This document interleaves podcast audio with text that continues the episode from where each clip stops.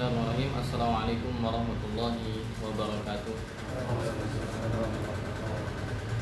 Alhamdulillahi hamdan kathiran tayyiban mubarakan fi Kama yuhibbu Rabbuna wa yarda Wa ashadu an la ilaha illallah wahdahu la sharika lah Wa ashadu anna muhammadan abduhu wa rasuluhu la nabiya wa la rasul ba'dah Allahumma alimna ma yanfa'una wa anfa'na bima 'allamtana wazidna ilman ya rabbal alamin. Teman-teman sekalian yang dimuliakan oleh Allah taala sahabat-sahabat sekalian yang saya hormati saudara-saudaraku dan saudariku sekalian yang turut hadir menyaksikan ya, sebagian yang hadir secara offline dan teman-teman sebagian yang mungkin ikut menyaksikan secara online. Semoga Allah senantiasa memberikan taufiknya kepada kita semua. Pada kesempatan kali ini kita akan melanjutkan kajian Ishruna Dhawabit atau Ishruna Dhawabiton fir riba 20 kaidah berkenaan dengan uh, riba yaitu terutama berkaitan dengan riba al-buyu' yaitu riba yang muncul karena pertukaran benda-benda ribawi. Karena dalam hadis Nabi SAW, Nabi menyebutkan ada barang-barang ribawi, alias barang-barang yang jika dia ditukar, jika tidak sesuai dengan syarat-syarat yang ditentukan oleh Nabi, tercebur dalam akad atau praktek ribawi. 20 kaidah riba ini akan kita ambil dari artikel yang ditulis oleh Profesor Dr. Khalid ibn Ali al Musyaikih Khalid ibn Ali al Musyaikih Hafizullah Ta'ala uh, dosen pasca sarjana di uh, University di Saudi Arabia yang mana beliau juga dahulu atau dahulu pernah belajar atau salah satu dari murid Syekh Muhammad ibn Saleh al Utsaimin rahimahullah taala dan merupakan pakar bidang fikih ya, terutama juga di bidang fikih muamalat. Ya, di pertemuan yang lalu atau pertemuan yang pertama di kediaman uh, Bapak Anto beberapa pekan yang lalu kita sudah membahas sedikit mukadimahnya.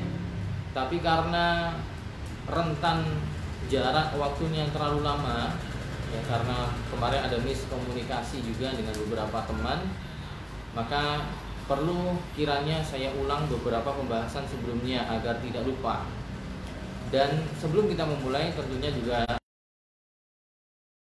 yashkurun nas la yashkurullah. Barang siapa yang tidak berterima kasih kepada manusia, maka dia tidak terhitung berterima kasih atau bersyukur pada Allah. Maka di sini saya mewakili saya pribadi dan teman-teman sekalian dari kampus jalanan uh, berterima kasih kepada Sohibul Bait kepada yang menyediakan tempat sarana pada kesempatan kali ini uh, beliau Bapak Zulkarnain atau Bang Nain yang telah menyediakan tempat semoga Allah membalas dengan ganjaran yang lebih baik menjadikan usahanya berkah. Baik, kita lanjutkan. Nah, sedikit saya ulang teman-teman sekalian berkaitan dengan kaidah-kaidah riba ini yaitu berkaitan dengan riba buyung yaitu riba yang kemungkinan terjadi dalam pertukaran barang-barang khusus, barang-barang tertentu.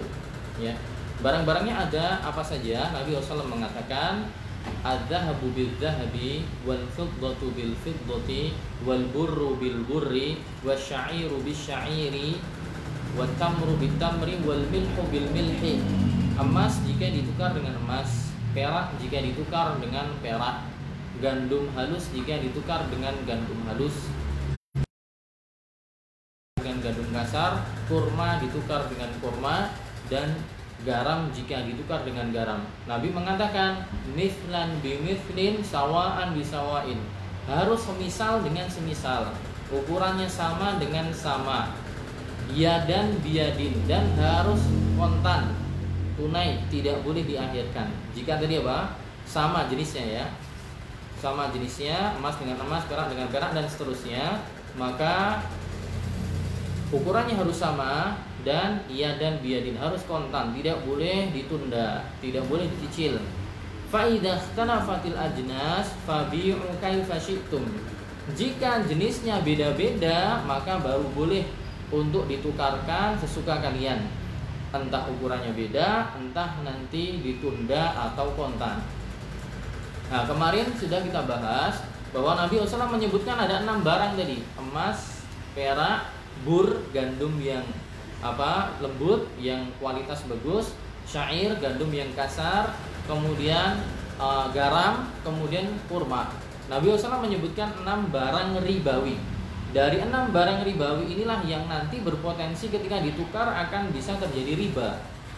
Nah, kemudian kemarin dibahas oleh para ulama, apakah benda-benda ribawi yang kemungkinan akan terjadi riba ketika ditukar, apakah hanya terbatas di enam barang ini ataukah tidak? Apakah terbatas di enam saja yang disebutkan Nabi ataukah di, tidak? Kemudian kemarin disebutkan bahwa ada dua pendapat. Pendapat pertama, pendapatnya Zohiriyah. Pendapat ulama-ulama Zohiriyah yaitu yang memandang dalil itu secara tekstual. Ya, letterlock gitu. Mereka berpendapat riba itu hanya di enam hal tadi, ya. Seperti pendapatnya Ibnu Hazm, Dawud Az-Zahiri, ya. Mereka berpendapat bahwa riba ya cuma di enam itu. Cuma emas perak bur syair kemudian kurma kemudian apa garam. Selain itu tidak terjadi riba. Beras dengan beras nanti ya. Sagu dengan sagu tiwul dengan tiwul tidak ada masalah. Nah pendapat ulama pertama mengatakan hanya terbatas pada enam barang tadi pendapat yang kedua dan ini pendapat mayoritas ulama ya, Pendapat yang kedua, pendapat mayoritas ulama bahwa barang-barang ribawi itu tidak terbatas di enam barang tadi. Ya, tidak terbatas di enam barang tadi. Nah, namun pendapat mayoritas ulama, jumhur ulama ini yang kedua ini, setelah mereka mengatakan bahwa barang ribawi itu tidak terbatas di enam barang tadi, mereka kemudian berselisih. Ya, berselisih terus ilahnya apa? Ilah itu adalah sebab dikaitkannya hukum. Jadi hukum ini ada jika sebabnya ada. Hukum ini ada jika ilahnya ada. Nah, di sinilah kemudian mereka juga berselisih pendapat. Menjadi empat pendapat, ya, menjadi empat pendapat. Jadi kenapa sih emas ditukar dengan emas, perak ditukar dengan perak harus sama dan harus kontan? Sebabnya apa sih? Alasannya apa? di kemudian mereka menggali makna dari alasan kenapa emas dan emas perak dan perak harus kontan. Nah, di sini kemudian akan saya sebutkan sebab ya pendapat-pendapat ulama sebabnya mereka menyebutkannya sebagai apa. Kelompok pertama adalah pendapat Hanafiyah dan Hambali, ya, pendapat Abu Hanifah dan Ahmad bin Hambal. Mereka berpendapat bahwa ya, mereka berpendapat bahwa emas dan perak kenapa diharamkan ketika ditukar harus sama harus kontan? Itu ilahnya sebabnya adalah karena wazan. Karena emas dan perak itu bisa ditimbang gitu. Ini sebenarnya cuma murojaah aja sebelumnya udah kita sampaikan. Jadi pendapat Abu Hanifah dan Imam Ahmad mengatakan kenapa emas dan perak itu kok ketika ditukar nanti ada potensi riba karena dua-duanya adalah sama-sama barang yang ditimbang sama barang yang ditimbang Adapun empat barang yang lain, kurma, gandum bur, gandum syair, dan juga garam adalah sebabnya karena mereka ditakar karena mereka ditakar. Nah, dari sebab ini kemudian akan bisa diperlebar. Karena emas dan perak itu adalah barang yang ditimbang, berarti nanti setiap barang yang ditimbang berarti bisa terkena riba. Berarti apa? Berarti kalau jenengan tukar aluminium dengan aluminium maka harus sama karena aluminium itu ditimbang ya. makanya yang sering ngerosok siapa yang sering ngerosok yang cari kabel cari apa di rongsok itu kan ditimbang sekilo piro gitu. Nah, bagi pendapat sekelompok ulama yang pertama ini berarti kalau jenengan menukarkan besi dengan besi, apa e, tembaga dengan tembaga, kuningan dengan kuningan, aluminium dengan aluminium bisa kena riba. Berarti konsekuensinya harus apa? aluminium sekilo harus sama dengan segi sekilo harus kontan nggak boleh itu ditunda Kenapa? Karena kelompok ulama pertama menganggap ilah atau sebab ya adanya riba di emas dan perak adalah ditimbang. Adapun kalau yang makanan yang keempat karena ditakar. Berarti nanti setiap jenengan mendapati ada makanan yang ditakar, berarti itu juga ada riba. Jenengan tukar apa? Menukarkan e, beras merah ditukar dengan beras merah. Berarti juga harus sama dan harus kon kontan. Jagung dengan ja, jagung itu ditakar. Ditakar tuh literan gitu loh, ukurannya literan. Dimasukin ke ini kemudian ditakar. Nah, itu kelompok ulama yang pertama. Kelompok ulama yang pertama adalah apa? Bahwa mereka mengatakan sebab emas dan perak itu diharamkan karena mereka adalah barang yang ditimbang. Adapun yang barang bahan makanan yang kurmanya, gandumnya, kemudian uyah atau garamnya adalah karena dia makanan yang ditakar.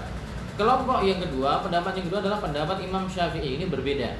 Pendapat Imam Syafi'i mereka berbeda. Menurut Imam Syafi'i, Kenapa emas dan perak di situ ada sisi ribanya? Ilahnya apa? Oh, ilahnya adalah annaha thamana lil asya. Karena emas dan perak adalah standar harga. Standar harga untuk tukar menukar. Standar harga untuk tukar menukar. Berarti nanti ya barang-barang yang digunakan untuk tukar menukar ya untuk sekarang berarti apa uang ya, dan yang semisalnya berarti itu juga bisa kena riba.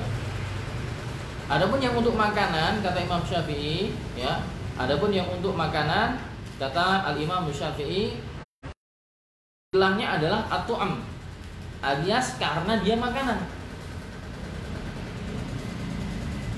Menurut Imam Syafi'i kalau yang empat ya, yang gandum bur, gandum syair, kemudian kurma dan juga garam, kenapa kok di sini ketika ditukarkan ada potensi riba sebabnya apa sih? Kata Imam Syafi'i sebabnya ya karena dia makanan. Sebabnya karena dia makanan. Kalau kelompok yang pertama sebabnya apa? Karena apa? Karena dita ditakar. Kalau Imam Syafi'i mengatakan ya karena dia adalah makanan. Berarti konsekuensinya nanti setiap barang atau benda yang itu makanan berarti ketika ditukar harus sama dan harus serupa harus sama ukurannya dan tidak boleh ditun ditunda Berarti jenengan kalau nukar growol dengan growol berarti harus ah, sama.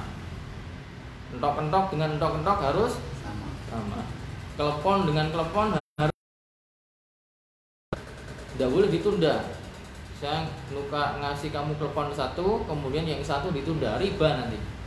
Kenapa? Karena Mas Syafi'i mengatakan apa? Maka makanan selagi itu makanan maka bisa terkena riba. Pendapat yang ketiga, pendapat Imam Malik.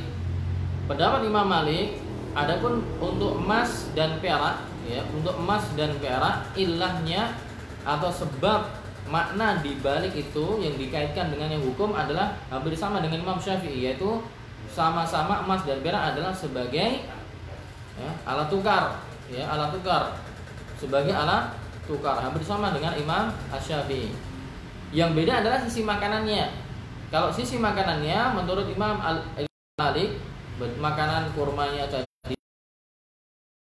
tadi ilahnya kata Imam Malik adalah al-iktiyar wal iddikhar. Itu makanan yang sebagai makanan pokok dan bisa disimpan lama. Maka setiap makanan yang itu menjadi makanan pokok suatu kaum dan bisa disimpan lama, maka menurut Imam Malik di situ yang bisa kena riba. Berarti lebih sempit atau lebih luas dari pendapat Imam Syafi'i? Lebih sempit ya. Kalau Imam Syafi'i mengatakan setiap makanan, ya yang penting itu makanan maka bisa kena riba. Cendol dengan cendol berarti harus. Nah, kalau Imam Malik mengatakan tidak, yang dilihat adalah dia sebagai makanan pokok dan bisa disimpan lama. Berarti kalau di analogikan makanan yang lain di Indonesia ya seperti beras Nah, dia makanan pokok dan bisa disimpan lama. Juga bisa masuk di situ jagung karena dia makanan pokok di satu daerah yang lain dan dia bisa disimpan lama. Juga seperti sa, sagu untuk orang timur ya, orang Papua dan misalnya mereka juga makanan pokoknya sagu dan dia bisa disimpan lama. Itu pendapat yang ketiga. Pendapat yang keempat adalah pendapatnya Syekhul Islam Ibnu Taimiyah. Ibnu Taimiyah mengatakan ya, anna al-illa fi dhahabi wal fiddah ats-tsamaniyah kaunuha tsamanan lil asya. Ini juga hampir sama dengan dua ulama sebelumnya. Menurut Ibnu Taimiyah bahwa emas dan perak itu ilah atau sebab ya. Dikaitkannya dengannya hukum sebabnya karena emas dan perak adalah alat tukar yang berharga standar harga dan dia sebagai alat yang beda adalah sisi ilah dari makanannya. Kalau menurut Imam uh, Ibnu Taimiyah untuk makanan yang empat ya gandum baik yang halus maupun yang kasar juga garam dan juga kurmanya kata Ibnu Taimiyah adalah karena itu adalah makanan-makanan yang ditimbang atau ditakar. Wa amal illa fil asnafil arba'ah al baqiyah fahiya tu'mu ma'al kail aw tu'mu ma'al wazn. Ya, kata Ibnu Taimiyah adalah karena makanan-makanan nanti adalah makanan dan dia ditimbang atau dita ditakar. Makanan yang ditimbang atau ditakar. Berarti juga maknanya lebih sempit daripada yang disebutkan Imam Syafi'i. Tapi ini lebih luas daripada yang disebutkan Imam Malik. Karena Imam Malik membatasi hanya yang makanan pokok dan bisa disimpan lama. Kalau Ibnu Taimiyah mengatakan yang penting dia makanan dan ditimbang atau ditakar. Itu lebih luas.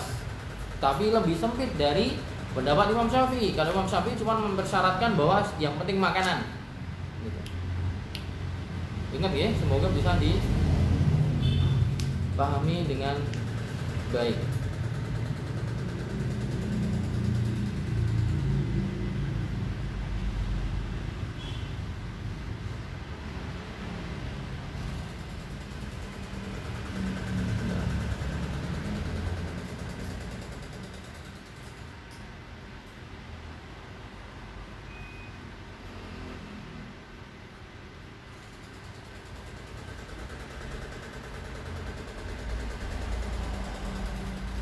Nah, kemudian kemudian di sini dikasih contoh ya sudah ada itu ya buka websitenya 20 kaidah riba di apa pengusaha muslim. Sebagai contoh contohnya pertukaran antara satu apel dengan dua apel. Apakah berlaku riba? Setelah apa? Setelah di, kita memaparkan tadi khilaf ulama tadi. Ya, apakah berlaku riba? Kita lihat kita baca. Pertukaran antara apel dengan dua apel, satu apel dengan dua apel. Apakah berlaku hukum riba? Kalau menurut madhab Hanafi dan Hambali tidak berlaku hukum ri, riba. Tidak berlaku hukum riba. Kenapa? Karena apel itu bukan termasuk makanan yang ketika jual beli itu diukur dengan takaran atau timbangan. Orang Arab kalau di kita ditimbang, kalau kita di ditimbang kalau di sana ini di, harus dikembalikan kepada urfnya sana. Di sana apel itu dijual bijian.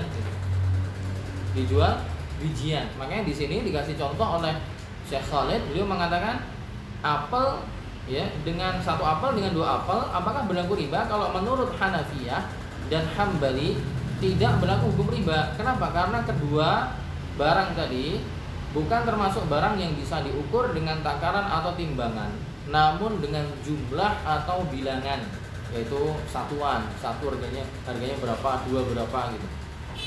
Adapun menurut Imam Syafi'i berlaku hukum riba. Kenapa? Karena Imam Syafi'i tadi memaknai bahwa empat barang ribawi tadi ilahnya adalah yang penting dia makan makanan. Karena apel makanan, ya berarti ya ketika satu apel harus juga dengan satu. Tapi nanti juga butuh pertanyaan lagi. Kan fisiknya nggak sama itu. Apakah kemudian bisa perfect antara apel satu dengan apel satu lingkarannya, kemudian warnanya, kematangannya kan bisa beda juga. Makanya di sini lebih merojikan pendapatnya Ibnu Taimiyah. Menguatkan pendapat Imam Ibnu Taimiyah, tapi kita baca tidak apa-apa, ya dari paparan tadi, paparan khilaf ulama tadi, kalau apel satu ditukar dengan dua apel, maka konsekuensinya gimana? Konsekuensinya menurut Hanafiyah dan Hambali tidak berlaku hukum riba karena apel bukan makanan yang ditakar. Kalau menurut Syafi'iyah, maka berlaku hukum riba. Karena menurut mereka ilahnya cuma yang penting makanan dan apel adalah makanan. Adapun menurut Imam Malik juga tidak ada riba. Kenapa? Karena apel bukan makanan pokok juga tidak bisa disimpan lama. Dia bukan makanan pokok dan tidak bisa disimpan lama. Busuk.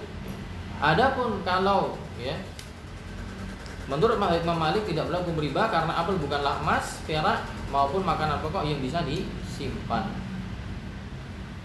Menurut pendapat Ibnu Taimiyah pun sama, ya. Ibnu Taimiyah karena Ibnu Taimiyah mempersyaratkan adalah itu makanannya ditimbang atau ditakar. Baik, contoh yang kedua, satu sok gandum halus yaitu bur ditukar dengan dua sok gandum halus. Jadi satu sok bur ditukar dan dua sok bur satu sok itu berapa? Satu sok itu empat takaran tangan empat kali. Satu dua tiga empat satu gini itu namanya satu mut ya. Satu mut eh, ini empat kalinya ini namanya satu sok dan sudah ada takarannya ya. Ada yang jual takaran bersanat namanya mud nabawi. Ya, bentuknya kayak kaleng Quaker Oats itu. Ada yang jual. Madinah. Masyayikh yang masih menjaga ya menjaga itu apa namanya uh, ukuran mud di zaman Nabi walaupun dikatakan secara sanatnya terputus ya. Secara sanatnya terputus dari penjelasan Ustadz Rik-Rik Aulia Rahman Abu Abdullah Asuryanji beliau apa ustadz muda yang sangat peduli dengan ilmu hadis dan sanatnya orang Soreang orang Bandung. Dan beliau punya banyak guru ya. Dalam hal riwayat dalam hal masalah sanat beliau termasuk yang terkenal di Indonesia. Banyak sering diundang ke pernah diundang ke Jember STDI Jember di Al Furqan Gresik untuk majelis sanat dan riwayat. Intinya ukuran mutu ada. Uh, sekarang kita contoh yang kedua uh, satu sok gandum halus ditukar dengan dua sok. Ya. Ini gimana? Menurut paparan tadi atau empat pendapat ulama itu gimana pertama kalau menurut madhab Hanafi dan Hambali berlaku hukum riba kenapa karena gandum itu dita ditakar ya, dita ditakar Menurut madhab Hanafi dan Hambali berlaku hukum riba. Karena pertukaran terjadi ya pada barang yang bisa diukur dengan takaran. Menurut madhab Syafi'i juga jelas terjadi riba. Karena gandum murni makanan. Bagi mereka pemain yang penting makanan maka bisa terkena hukum riba.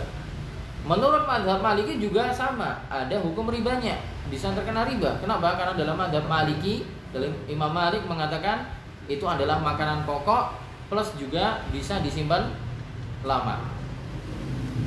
Menurut Ibnu Taimiyah pun juga sama berarti untuk masalah gandum bur, gandum halus dengan gandum halus semua sepa, sepakat bahwa di situ ada potensi nanti terkena ri, riba. Apalagi tadi satu sok dengan dua sok berarti ada ri, riba.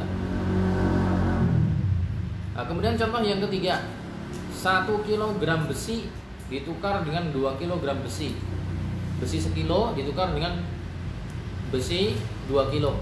Menurut madhab pertama, gimana? Menurut Hanafi dan Hambali, ada lima nggak? Ada nggak? Ada.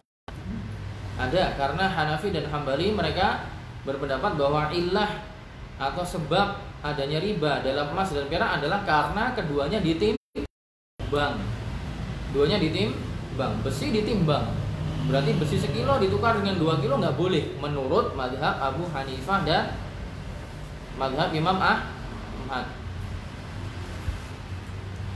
menurut Imam Syafi'i berlaku nggak nggak karena besi bukan sebagai alat tukar bukan standar harga. Menurut Imam Malik enggak juga. Ibnu Taimiyah enggak juga. Kemudian contoh yang keempat.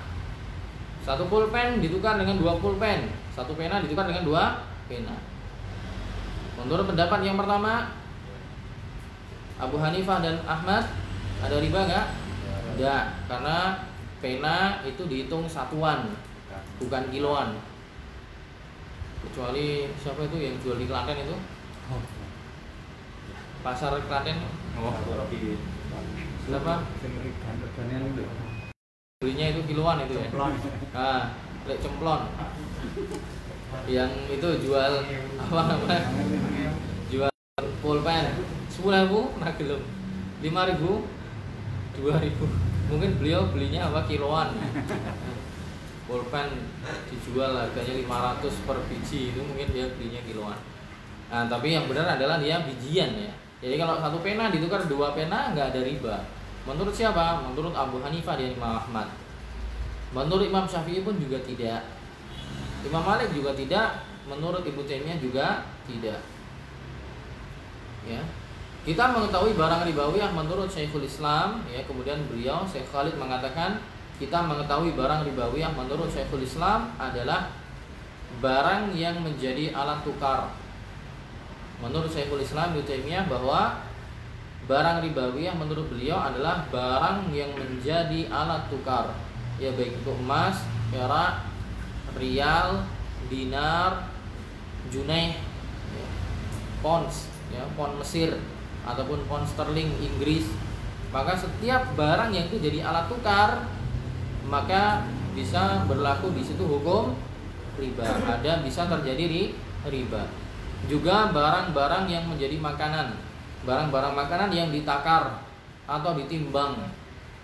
Ya, barang makanan yang ditakar atau ditimbang ini juga bisa terjadi akad riba dan penulis di sini lebih penulis di sini lebih menguatkan pendapat Ibnu Taimiyah. Kenapa para ulama berselisih pendapat? Sebelumnya sudah saya sampaikan ya. Sebelumnya di kajian pertama sudah saya sampaikan.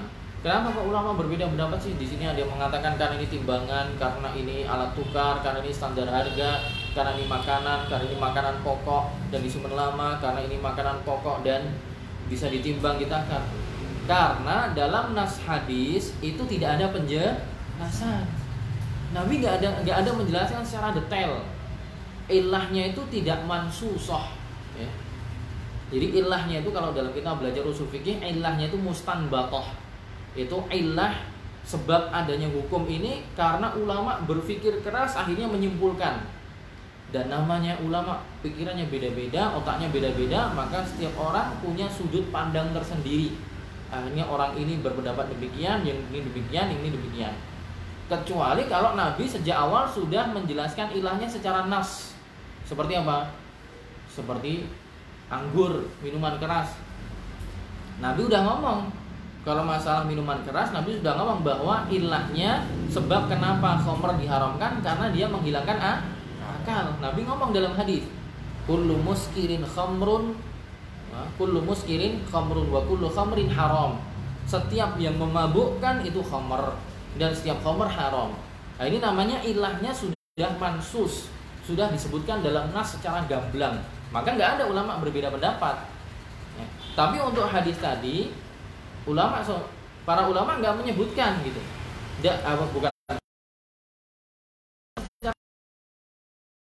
Maka ketika tidak disebutkan secara gamblang, para ulama berusaha istiqro, yang membaca banyak, kemudian melihat, akhirnya ya, menyimpulkan menarik kesimpulan. Akhirnya ada yang kesimpulannya ke sini ada yang kesimpulannya ke sana. Dan ini tidak ada masalah ya. Masalah khilaf dalam seperti ini itu apa? Diperbolehkan karena tidak ada nas yang jelas. Tapi kita sebagai pengikut atau orang awam yang mengamalkan ya kita berusaha. Kalau punya sedikit kemampuan ilmu alat maka berusaha untuk cari mana yang paling dekat. Kemungkinan maknanya yang paling dekat seperti apa tapi Syekh Khalid di sini lebih condong kepada pendapat Ibnu Taimiyah bahwa emas dan perak kenapa di situ ada ribanya, ilahnya karena dia sebagai alat tukar. Adapun makanan-makanan tadi ilahnya kenapa? Karena dia adalah makanan yang ditimbang atau ditakar.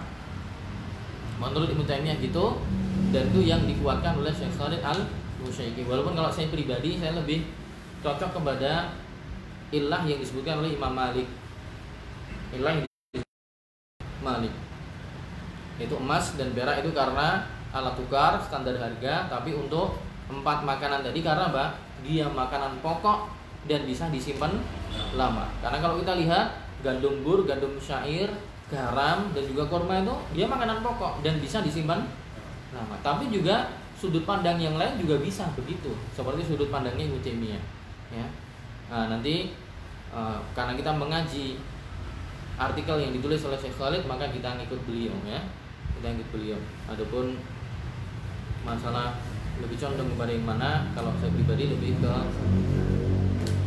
pendapat Imam Malik Baik, kita langsung masuk sekarang ke kaidah pertama. Itu tadi baru muka di Kemudian sekarang kita masuk ke kaidah pertama dalam masalah riba buyu' atau riba jual beli. Riba tukar menukar barang. Riba buyu', riba jual beli, riba tukar menukar barang.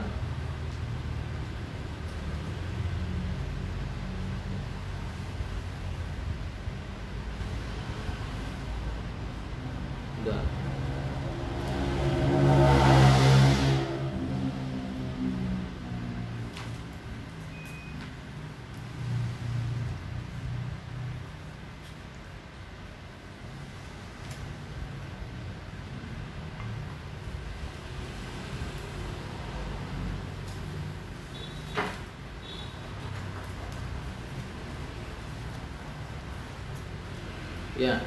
Ad-dhabitul awal anna kulla ribawiyain ittahada fil jinsi wal illah illatu riba fadl fa innahu yashtaratu 'inda mubadalati ahadihima bil akhar syartani at-tamathul wal hulul.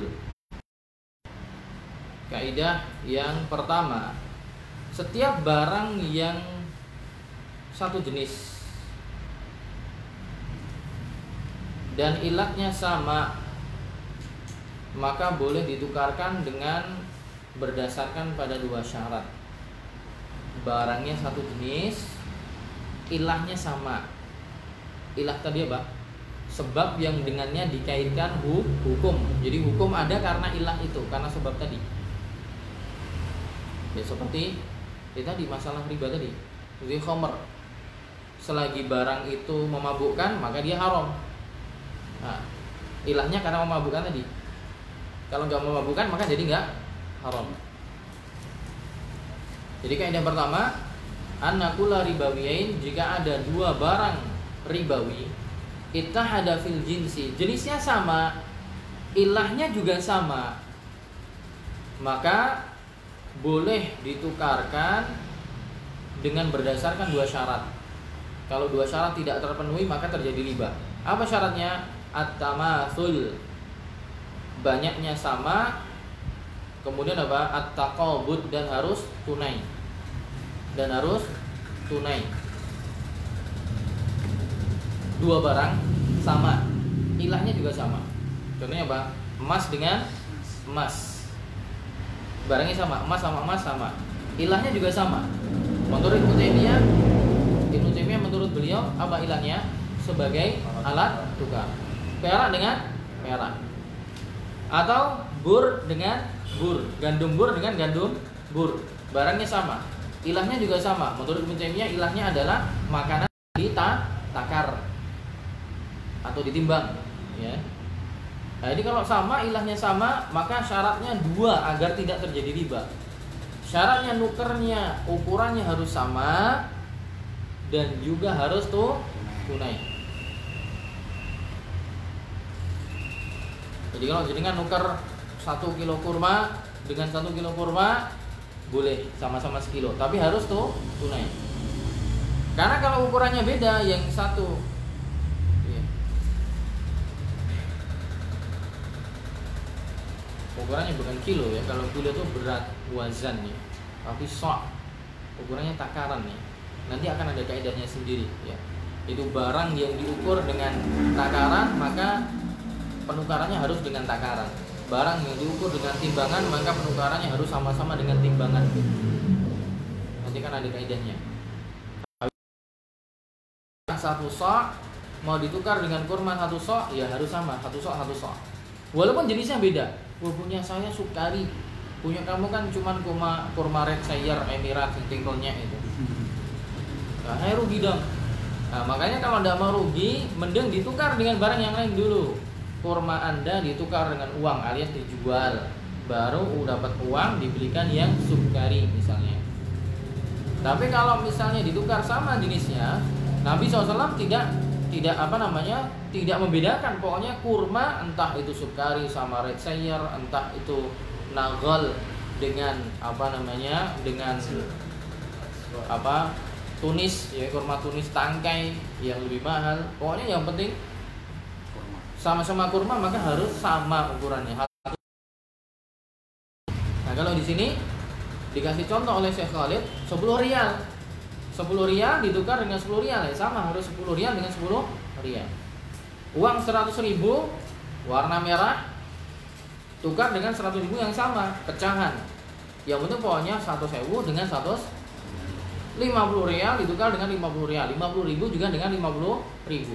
Harus tunai harus tuh di tempat serah terima barang tempat transaksi ya Kenapa? Kalau ukurannya beda, 100 ribu kok ditukar dengan 110 ribu, maka terjadi di riba. Riba apa namanya? Riba fadl. Itu riba kelebihan. Ada lebihannya.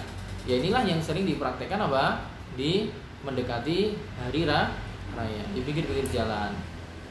Ya, walaupun apa namanya? tulisannya jasa, jasa tukar uang gitu kan.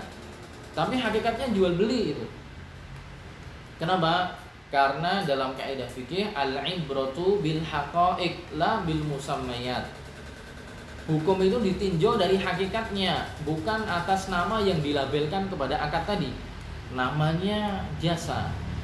Tapi hakikatnya jual beli, hakikatnya jenengan bayar 115 ribu uang lama dikasih 100 ribuan baru pecahan. Kalau jasa itu gini kalau jasa Orang yang di situ nggak bawa uang, jenengan kasih uang, mas satu sewu. Kan jenengan cuma nyebrang tuh di situ. Bank apa namanya? BI, Bank Indonesia, nuker. Nah, dia di situ jasa nuker uang. Jadi dia nggak bawa apa-apa. Kita kasih uang mas seratus ribu, silakan jenengan masuk Bank Indonesia di Malioboro itu loh, kan tinggal nyebrang. Masuk ke sana, tukerin, balik lagi, mas ampun. Nah, jenengan kasih uang sepuluh ribu jasanya. Nah itu baru jasa. Baru ya jasa. Jadi dia nggak bawa uang jadi kan kasih 100 ribu. Tukerin ya di sana. Tukerin berapa? 5 ribuan. Dia pergi balik lagi udah tuker 5 ribuan jadi kan kasih uangnya jasanya. 15 ribu 20 ribu sebagai apa? Ijarah. Akadnya sewa kalau itu. Kita nyewa jasa dia. Tapi kalau dia sudah punya uangnya ya itu namanya beli bukan jasa lagi ya.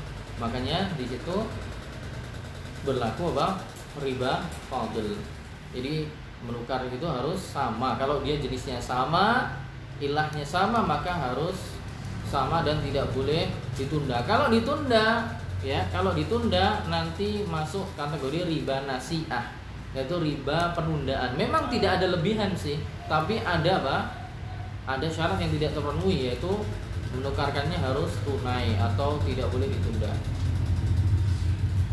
Kemudian dikasih contoh yang kedua, tukar daging. Nah, ini kalau menurut Ibnu Taimiyah, nah, menurut Syekhul Islam Ibnu Taimiyah, tukar daging ini apa? Kena hukum riba juga. Karena tadi Ibnu Taimiyah apa?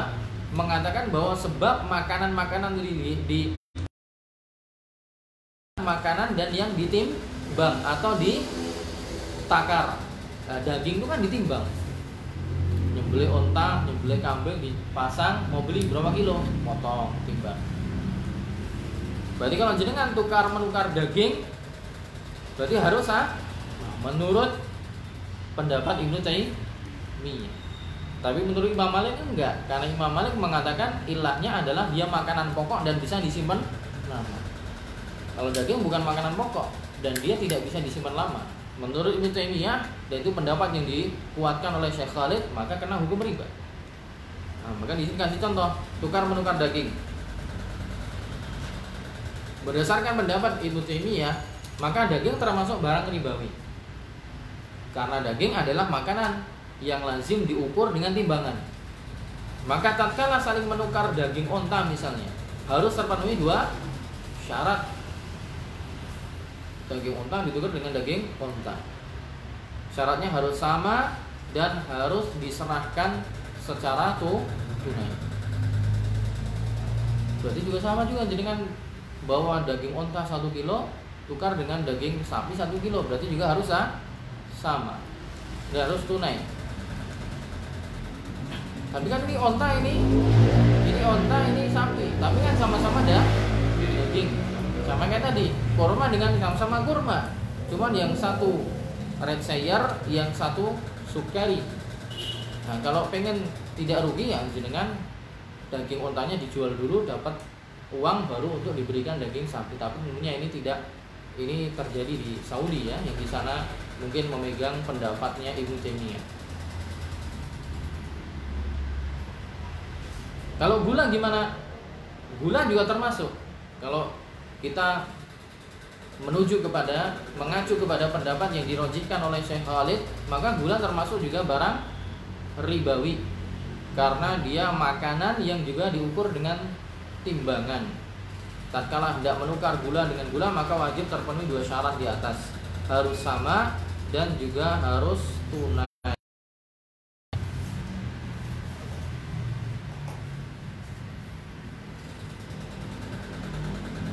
Tapi kalau kita ambil pendapatnya Imam Malik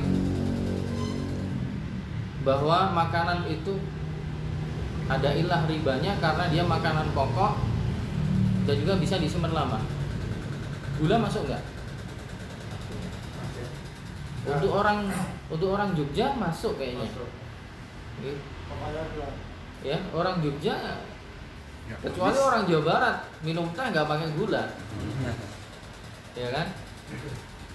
Jadi saya dulu di Subang itu minumnya teh kok nggak ada gulanya gitu. Tawar. Kalau di Jogja wajib ada gula itu. Semuanya manis. Gula, gudeg ya manis, sayuran ya manis, minuman harus manis juga Wallah alam bisawab ya apakah dia masuk karena jadi urgent gitu jadi pokok tapi sepertinya wallah alam sebenarnya tidak ya karena yang mak maknanya pokok itu ya adalah yang dibutuhkan sehari-hari dan yang menjadi sandaran ya seperti nasi. Orang Gunung Kidul mungkin ya, tapi sekarang juga sudah beralih mereka. Kalau dulu mungkin orang Gunung Kidul masih bersandar kepada uh, tiwul. Tapi sekarang sepertinya sudah apa? Sudah nasi juga ya. sudah nasi juga. Tapi masih berlaku insya Allah. Karena di sana juga masih banyak juga yang mengkonsumsi apa tiwul apa namanya uh, bubuk dari ketela singkong Oke, itu kaidah yang pertama, gitu. bisa dipahami ya. Intinya kalau ada barang ribawi yang jenisnya sama, ilahnya sama, maka harus sama ukurannya dan harus langsung. Emas juga dengan emas, perak dengan perak. Kalau uang sekarang ya rupiah dengan rupiah, dolar dengan dolar, rial dengan rial. Harus ha? sama. Sekarang kaidah yang kedua. Masih fokus? Bagus. bagus. Karena yang kedua, kullu ribawiyain ittahada fi illah fi illati riba fadl wa ikhtalafa fil jins. Barang dua barang ribawi yang ilatnya sama, ilahnya sama namun jenisnya berbeda. Fayushtaratu 'inda mubadalati ahadihima bil akhar syartun wahid al-hulul wa taqabud. Kalau ada dua barang ribawi, jenisnya beda tapi ilahnya sama. Jenisnya beda tapi ilahnya sama. Ketika ditukarkan agar tidak terjadi riba, syaratnya cuma satu, yaitu harus langsung tunai, tidak ditunda. Adapun persamaan ukuran tidak menjadi syarat. Apa contohnya? emas dan perak. Emas dan perak tadi ilahnya adalah samaniyah sebagai alat tukar. Tapi emas sama perak jenisnya B beda. Maka ketika jenengan menukar emas dan perak silahkan ukurannya beda. Emasnya 1 gram peraknya 10 gram boleh. Tapi yang penting langsung. Yang penting langsung. Jenengan menukar ya. Jenengan menukar dolar dengan rupiah. Dolar dengan rupiah. Dia ilahnya sama yaitu sebagai alat tukar. Tapi jenisnya beda yang ini dolar yang ini rupiah. Maka boleh dengan bawa satu dolar dapat 14 ribu misalnya. Yang penting langsung tidak boleh ditunda. Emas dengan uang uang dengan emas rupiah dengan emas rupiah dengan emas. Ini dua barang yang berbeda tapi ilahnya sama sama-sama sebagai alat tukar. Maka juga apa ukurannya boleh beda tapi harus lang langsung. Konsekuensi dari kaidah ini berarti jenengan tidak boleh untuk apa? Tidak boleh untuk beli emas online. Tidak boleh beli emas online. Jadi apa namanya beli cincin perak cincin emas kemudian bayar dulu nanti belakangan dapat. Boleh. Kenapa? Karena dua barang ini ilahnya sama. Kecuali kalau ngikut fatwa di SNMUI ya. Di SNMUI berfatwa mereka kalau emas sekarang itu sudah bukan alat tukar. Bagi mereka mereka berpendapat bahwa emas itu sudah menjadi lagi tapi sudah jadi komoditi. Sudah jadi barang yang dijual. Jadi statusnya kayak barang lain. Jadi tidak apa-apa beli emas online. Karena dia sudah bukan alat tukar lagi. Menurut mereka. Tapi jadi pertanyaan juga. Kalau dalam masalah kias kita kan mengatakan rupiah itu bisa kena riba kan kiasnya kena ke mana ke emas iya enggak kiasnya ke emas Kalau asalnya saja, asalnya emasnya mereka sudah mengatakan tidak bisa riba, harusnya cabangnya rupiahnya juga nggak kena riba harusnya. Makanya itu yang dikritik sama Ustadz Arifin Badri, sama Dokter Arifin Badri. Misalnya dikatakan emas sudah jadi komoditi sehingga tidak terkena riba lagi, ya terus rupiah gimana? Kita kan bisa mengatakan rupiah itu kena riba karena kan dikiaskan ke emas Nah sekarang emasnya sudah tidak ada ribanya gitu. Berarti harusnya konsekuensinya rupiah juga nggak nggak ada. Gitu. Maka yang benar adalah Allah alam bisawab pendapat mayoritas ya, terutama ulama-ulama di luar negeri juga internasional mereka mengatakan ya emas walaupun sekarang mungkin sudah tidak menjadi dinar dirham yang sebagai alat tukar tapi dia sebagai pokok dianalogikannya uang kertas. Uang kertas analogikannya pokoknya kepada emas depan. Kalau emasnya saja sudah dikatakan tidak ada ribanya kemudian yang kertas harusnya sama. Kan yang kertas uang kertas ini kan cabangnya. Cabangnya. Dan cabang itu ngikut pokoknya. Nah, tapi ya begitulah ya dinamika apa namanya pendapat ulama itu mungkin bisa jadi dengan ngaji di sini atau ngaji di ustadz lain mengatakan tidak boleh tapi ketika mendengar ustadz-ustadz dari DSN Dewan Syariah Nasional MUI mereka mengatakan boleh ya. lebih banyak dikritik juga oleh Ustadz Irwan di Ustadz Arifin terkadang terkadang di sebagian ya tidak semua ya di sebagian tema uh, ada sedikit bermudah-mudahan ya. tapi Allah alam bisawab kita kembali ke sini aja ya kita kembali ke sini aja tidak melebar ke mana-mana di sini Syekh Khalid Al Musyaikih mengatakan jika ada dua barang yang berbeda tapi ilahnya sama, kalau mau ditukar agar tidak kena riba, syaratnya cuma satu, langsung tunai. Ukurannya beda boleh, ya. Satu dolar dengan 14 ribu, satu rial ditukar menjadi 3.800 boleh, ya. Dibolehkan. Contohnya rial ditukar dengan pound, ilahnya sama yaitu alat tukar. Maka syarat pertukarannya adalah tunai, serah terima secara langsung. Adapun kesamaan jumlah maka bukan syarat. Daging onta dengan daging kambing ini lagi-lagi karena ngikut pendapat Ibnu Taimiyah ya. Daging onta dengan daging kambing. Ilah dari kedua barang ini adalah makanan yang diukur dengan timbangan. Jenis dari kedua barang ini berbeda maka disyaratkan tunai. Oh saya koreksi ya tadi saya mengatakan yang tadi ya penjelasan tadi daging kambing dengan daging unta saya katakan tadi sah, sama ya. Yang benar ini yang tidak tidak sama tapi dia jenis yang berbeda. Daging kambing sendiri daging sapi sendiri daging unta sendiri. Mereka beda-beda cuman ilahnya sah, sama. Kesamaannya di ilah saja ya kesamaannya di ilah. Maka disarankan tunai saja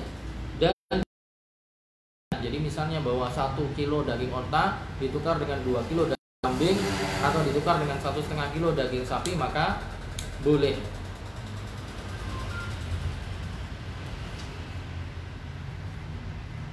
Berapa nih mas ini? 50 Oke, saya rasa mungkin saya cukupkan di sini.